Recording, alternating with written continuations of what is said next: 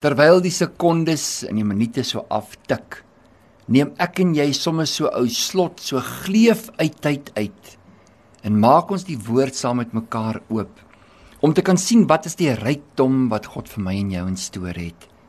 Ja, net die Heilige Gees kan jou geestelik lei. Ek en jy het 'n afhanklikheid van die Gees van die Here. Hoe sal ons dan die onsigbare dinge kan sien as ons nie kan sien wat hy in ons openbaar nie? Hoe sal ons weet van die dinge wat in God is as hy nie deur sy skepping met ons praat? En dinge wat onbekend is by ons aan ons bekend maak deur die bekende dinge as 'n voorbeeld, as 'n model, as 'n tipe gebruik om vir my en jou iets te beskryf wat glad nie aan ons bekend is nie. Hoe sal ek en jy weet wat die geestelike Jerusalem inhou? Want God is mos gees het ons vir mekaar gesê. Nou hoe sal ons weet hoe 'n stad lyk in die gees as ons nie deur ons verwysingsraamwerk verduidelik word hoe so 'n stad dalk mag lyk nie. Hoe iets kan werk nie. En God gebruik simbole in die woord om iets wat onbekend is by my en jou aan ons bekend te maak. Wanneer jy jou Bybel oopmaak en wanneer jy jou Bybel lees, moet jy onthou dat God woon nie in 'n huis wat met bakstene of sement of hout of strooi of wat 'n mens ook al dink hoe God se woning lyk. God is gees. Hy woon in 'n dimensie van die gees. En hoe ek en jy weet wat in die gees gebeur, is wanneer die gees wat in ons kom woon het. Ja, daardie selfde gees wat in Daniël teenwoordig was. Dieselfde gees wat met Moses gewerk en gepraat het. Dieselfde gees wat op die dag van Pinkster kom uitstort is in die mens, dat ek en jy 'n tempel kon word van sy gees. Nou is sy gees nie meer ver verwyder iewers elders daarbo in die hemel nie, maar nee, Hy het nou Immanuel geword. God is met ons. Hy praat met my en jou. Hy openbaar goed in ons. 2 Korintiërs 5 vers 5 in die Afrikaanse 53 vertaling sê die woord maar hy wat ons juis hiervoor toeberei het is God wat ons ook die gees as 'n onderpand gegee het. Daardie gees wat ons kom lei en kom leer, die gees wat ons kom oortuig van dit wat reg is, die geregtigheid van Jesus. Dat ons hom as persoon kan leer ken. Dat ons die hart van God in ons harte geopenbaar kan ervaar. Daarom so belangrik om ook gemeenskap met die Heilige Gees te kan hê, om 'n verhouding met die Gees te kan hê, om konstant reg deur jou dag en jou oomblikke jou te beroep op die Heilige Gees. Hoe weet ek en jy dan wat God dink en wat God wil doen as ons hom nie raadpleeg nie. Hoe raadpleeg ons hom? Deur sy gees. Sy gees wat as onderpand vir my en jou gegee is. Hy wat die begin is om ons na 'n dieper volheid toe te kan lei totdat Christus in my en jou ten volle geopenbaar is.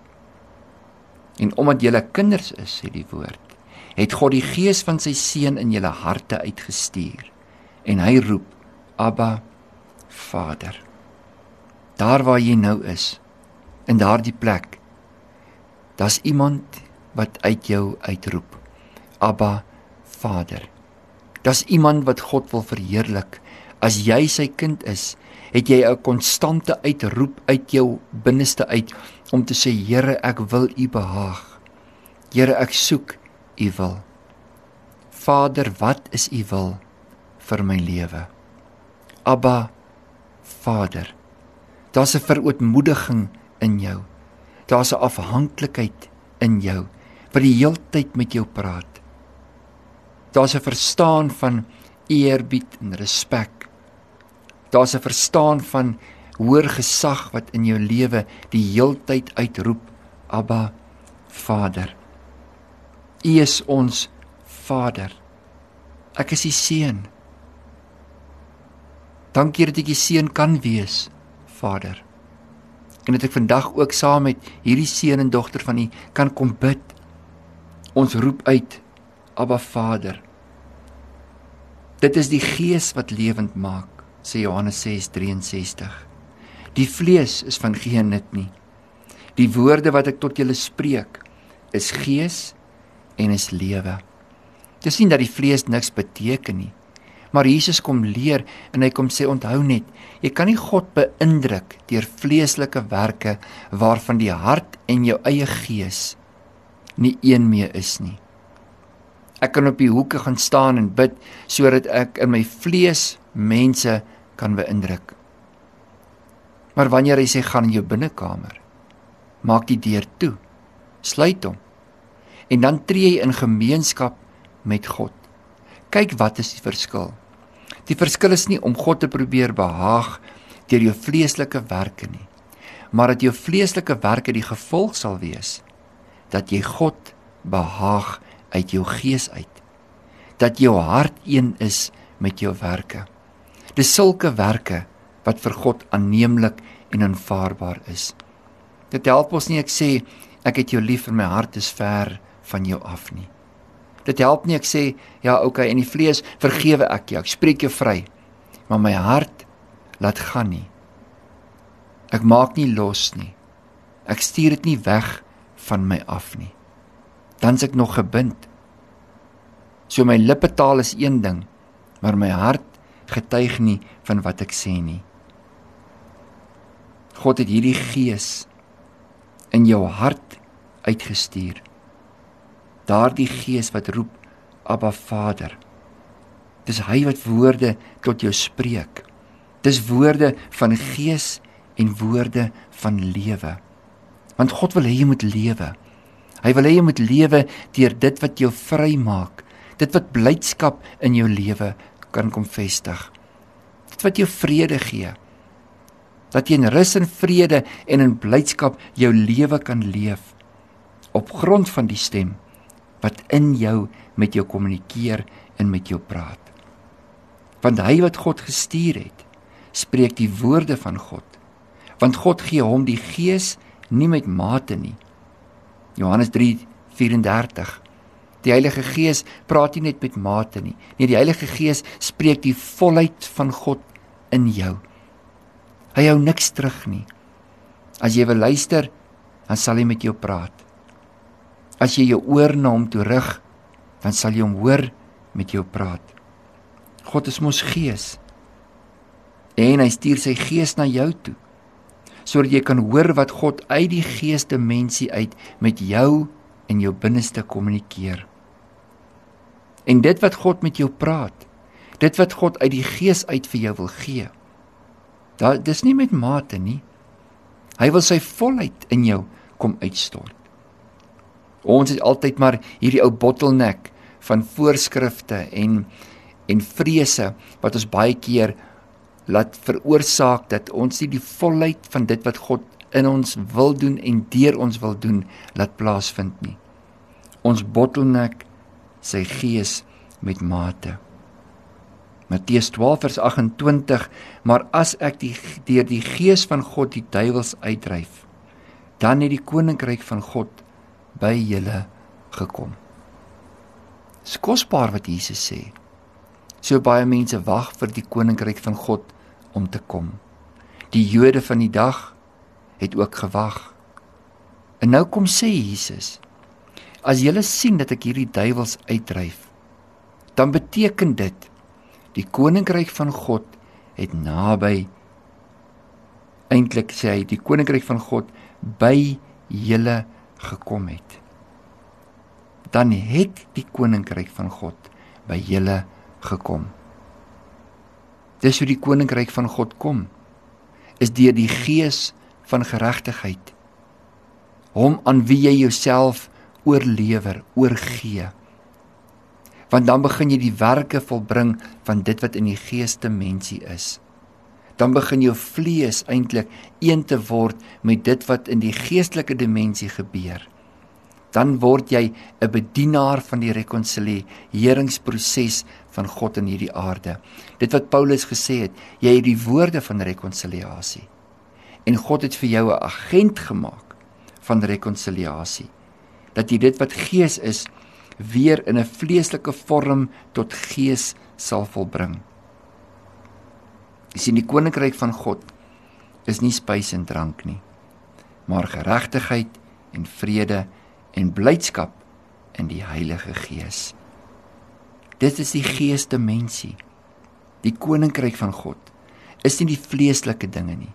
Moenie baklei oor oor wat jy nou moet eet, moet jy nou dit eet of nie dit eet nie, moet jy nou soontoe gaan of hiernatoe gaan. Verstaan dat die geregtigheid, die vrede en die blydskap in die Heilige Gees juis daardie plek is waar God teenwoordig is.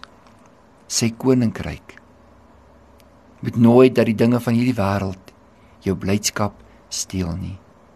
Dat jy nie vrede en rus in God het nie.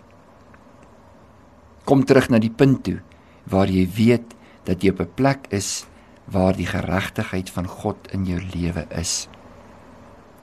Leer my om u welbehae te doen, want u is my God. Laat u goeie gees my lei in 'n gelyk land. U goeie gees in my, sê die psalmdigter in 143 vers 10. Lei my met u goeie gees. Efesiërs 4 vers 30 en bedroef nie die Heilige Gees van God nie deur wie jy verseël is tot die dag van verlossing. Wie moet dan die waarheid met jou praat as jy die Heilige Gees bedroef? Wie moet jou in gees en waarheid lei as jy 'n doewe oor vir die Gees van God gegooi het? Wie moet God in jou openbaar as jy hom ignoreer? wat die gees en die lewe en die krag in jou lewe veronderstel is om te wees. God is gees.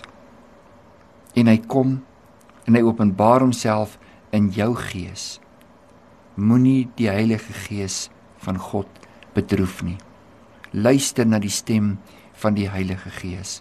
En as jy ooit jouself op 'n plek bevind waar jy in opstandigheid teen die Gees is, bely jou sonde laat staan jou sonde sodat jy in volheid kan leef. Ons is sy getuies van al hierdie dinge wat Jesus gedoen het en ook die Heilige Gees wat God gegee het aan die wat hom gehoorsaam is. In die vroeë kerk kan jy gaan lees in Handelinge 5 vers 32 is die stelling gemaak dat ek en jy is nou getuies. Die Heilige Gees wat God vir my in jou gegee het, manifesteer deur ons gehoorsaamheid. Romeine 5 vers 3 tot 6. En nie alleen dit nie, maar ons roem ook in die verdrukkinge, omdat ons weet dat die verdrukkinge lydsaamheid werk en die lydsaamheid beproefdheid en die beproefdheid hoop. En die hoop beskaam nie omdat die liefde van God in ons harte uitgestort is deur die Heilige Gees wat aan ons gegee is. Want toe ons nog swak was, het Christus op die regte tyd vir die goddelose gesterwe. Jy is bevoorreg om die Heilige Gees in jou lewe te kan hê. Dat hy sy Heilige Gees vir jou kom gee het. En dat Pinkster nie net 'n ervaring is wat Jode in 'n bovertrek gehad het nie, maar dat ek en jy elke dag in Pinkster leef die dag van Pinkster, die uitstorting van die Gees en dat hierdie Gees nie net 'n vreemde taal by my en jou um, sal wees nie, maar 'n bekende taal, dat ons hom sal leer ken in die krag van God en in die opstanding van Jesus Christus en dat jy altyd in in gehoorsaamheid teenoor God se Gees in jou lewe sal leef. Luister na God se stem. Maak weer vandag 'n besluit om te sê Here, kom lei my deur die Gees. Kan ek en jy dit saam bid? Kom ons vra vir God. Dankie, dankie, dankie. Eindelik wil ons niks kom vra nie. Ons wil net kom sê dankie. As ons iets mag vra, dan wil ek myself vra. Leer my Heilige Gees om so aan God onderdanig te wees, gehoorsaam te wees dat u koninkryk ook deur my lewe kan manifesteer. U werke die werke sal word wat ek deur my vlees doen omdat ek U behaag in die gees. En ek en jy sê Amen en amen.